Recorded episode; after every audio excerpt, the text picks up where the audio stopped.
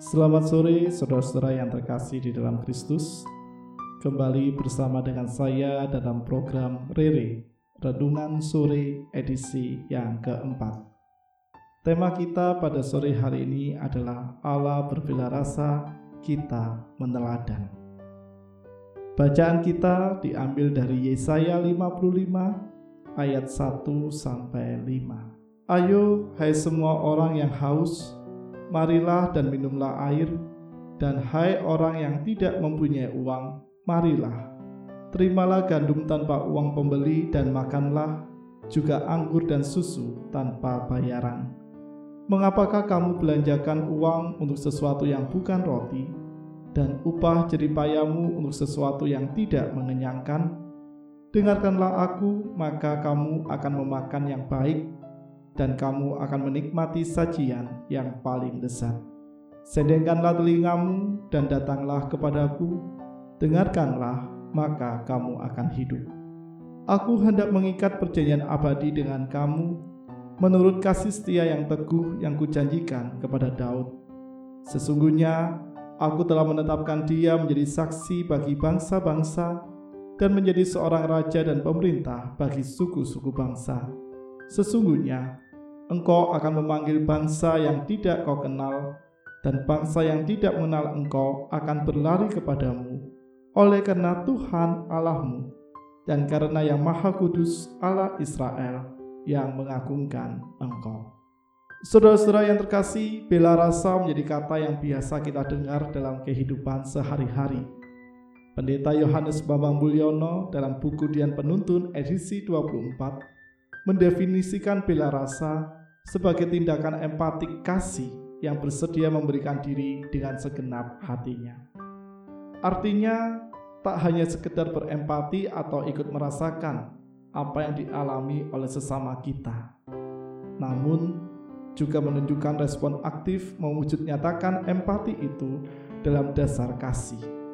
Sederhananya, ketika kita melihat sesama sedang dalam kesusahan, kita berempati diiringi tindakan nyata.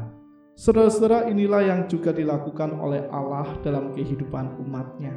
Kalau kita memperhatikan Yesaya 55 ayat 1 sampai 5, kita melihat bagaimana Allah mengungkapkan kepada pemazmur akan empatinya kepada umat Israel. Ungkapan yang Allah sampaikan berikut, Dengarkanlah aku, maka kamu akan memakan yang baik, dan kamu akan menikmati sajian yang paling lezat Sendengkanlah telingamu dan datanglah kepadaku, dengarkanlah maka kamu akan hidup. Adalah implikasi dari empati yang Allah sampaikan di Yesaya 55 ayat yang pertama. Ketika Allah berempati, Allah akan mengiringinya dengan sebuah tindakan nyata sekaligus menyediakan dirinya sebagai sumber solusi. Hal ini disaksikan dengan sangat baik oleh para tokoh dan penulis dalam Alkitab yang dapat kita baca hingga saat ini. Dalam sepanjang sejarah iman orang percaya, ketika mereka menderita, Allah senantiasa berbela rasa dengan nyata. Puncaknya, karya keselamatan Allah melalui dan dalam diri Yesus Kristus. Bela rasa Allah yang menyelamatkan kita dari keberdosaan, di mana Ia menyediakan dirinya untuk rela berkorban bagi manusia. Teladan yang memampukan kita turut berbela rasa kepada sesama maupun ciptaan Tuhan lainnya. Saudara-saudara, sekarang saatnya kita pun meneladan bela rasa yang telah Allah lakukan dalam kehidupan sehari-hari. Berbela rasalah secara utuh, tidak hanya berhenti di dalam perkataan saja, tetapi juga mewujud nyata lewat aksi nyata dan menyediakan diri. Romo YB Mangunwijaya adalah salah satu orang yang meneladani bela rasa Allah secara utuh dan total. Perjuangannya membela orang-orang kecil yang sulit mengakses dan memenuhi kebutuhan sosialnya. Di sana ia hadir, ikut merasakan penderitaan mereka, beraksi nyata, sekaligus menyediakan diri. Karyanya terlihat hingga saat ini. Kampung Jodi, Yayasan Dinamika Edukasi Dasar, dan perjuangan-perjuangan lain yang kesemuanya berpihak pada rakyat yang tertindas dan menderita.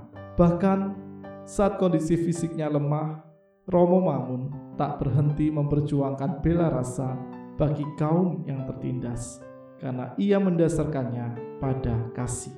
Kita mungkin tak sehebat Romo Mangun, tapi kita dapat berbela rasa lewat hal-hal sederhana bagi sesama maupun ciptaan Tuhan yang lain dalam penderitaan mereka. Kini, bela rasa itu sangat dibutuhkan dalam situasi yang kita hadapi bersama bagi orang-orang yang terdampak dalam kehidupan mereka oleh karena wabah COVID-19 ini. Selamat meneladan bela rasa Allah dan menyediakan diri bagi karya kasihnya untuk semesta. Kiranya kasih dan penyertaan Tuhan senantiasa menopang kehidupan kita. Amin.